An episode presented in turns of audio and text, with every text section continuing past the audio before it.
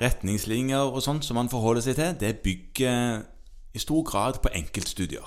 Oftere enn man liker å tro. Ja, oftere enn man liker å tro. Og så er det disse enkeltstudiene Noen ganger så gir de svar på spørsmål som du ikke visste at du lurte på. Og enkelte ganger så er det jo faktisk sånn at du, du trengte ikke å lure engang.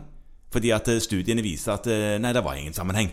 Ja, Ja. ja. og det, det er jo interessant. Altså at Noen har tenkt på et spørsmål som du aldri har tenkt på. Ja, og så har de besvart det spørsmålet for å finne ut at det trenger du heller ikke bry deg om. Nettopp. Ja. Og, men, men poenget mitt var at det er òg forskning som man på en måte tenker at det er ikke kult å holde på med noe i lang, lang tid, og så finne ut at det, det var, var ikke noe der.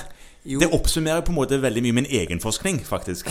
Så, Ja, men, ja. ja, men det er egentlig ganske viktig forskning. Ja, det det. Selv om alle mener at noe er på en viss måte, Mm. så kan man ikke si det sikkert før man har bevist det. Men nå er det et konkret forskningsresultat som jeg tenker på, Jaha. som handler om statiner. Ja, du har sett den studien. Ja. Du lurte kanskje aldri på om du kunne bli dement av å ta statiner. Nei, altså jeg tenker at statiner er noe veldig mange av de som i alle fall er begynnende demente, og kanskje når de begynner å bli demente, får statiner fordi man tenker at det begrenser vaskulær demens, kanskje. Kanskje. Kanskje. Men det blir stilt spørsmål ved det i starten. Ja. Og noe av grunnen til det kan jo faktisk være at de pasientene som i starten fikk statiner Og sånn er det jo ofte, at det er ikke tilfeldig hvem det er som får en type medisin. Og da kan man tenke seg at i starten så ga man mye statiner til pasienter som var veldig karsyke, og som hadde høy risiko for å utvikle demens. Og da vil mange pasienter som går på en viss medisin, bli demente.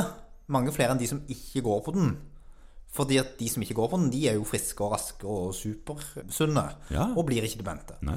Så sånn kan verden se litt rar ut hvis man ikke helt vet hva man har holdt på med. Ja. Og derfor så har jo FDA har jo stilt altså FDA er veldig fine sånn, det er det amerikanske legemiddelverket. For de stiller av og til noen sånne interessante spørsmål, og så ber de noen om å se på det. Ja. Og nå er det akkurat publisert en studie på om statiner kan bidra til å utvikle demens. Ja. Og det, det, det ser ut som en sånn åpen studie, altså en real life-studie. Men den er stor, det er 18 800 pasienter. Ja. Det er en ganske stor studie. Ja, De er over 65. Det er jo da demens ofte utvikler seg. Ja. Og så er de fulgt i gjennomsnitt i 4,7 år, som det, det er en ganske lang studie i tillegg. Ja. Og det de viser, er at det er ingen forskjell i demensutvikling på de som har fått statiner, kontra de som ikke har fått statiner.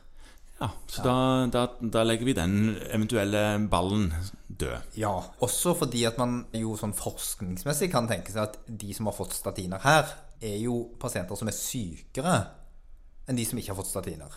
Ja. Altså vil man jo heller tenke at de sto i høyere risiko for å få demens i utgangspunktet. Ja. Så det at det ikke er noen stor forskjell, jeg kan jo faktisk være en indikator på at det er lurt å ta statiner. Ja, det kan du si. Nå Ja. har, vi må kanskje finlese studien før vi konkluderer med det, men det går iallfall an å tenke seg det, ja. Ja, og det er i hvert fall ikke sånn at man trenger å bekymre seg for at man skal bli dement om man spiser simvastatinen sin.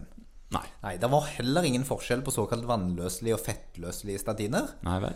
Og det er jo også interessant, for man har kanskje tenkt at disse fettløselige kan gå over blod-hjernebarrieren og inn i hjernen og gi noe skade.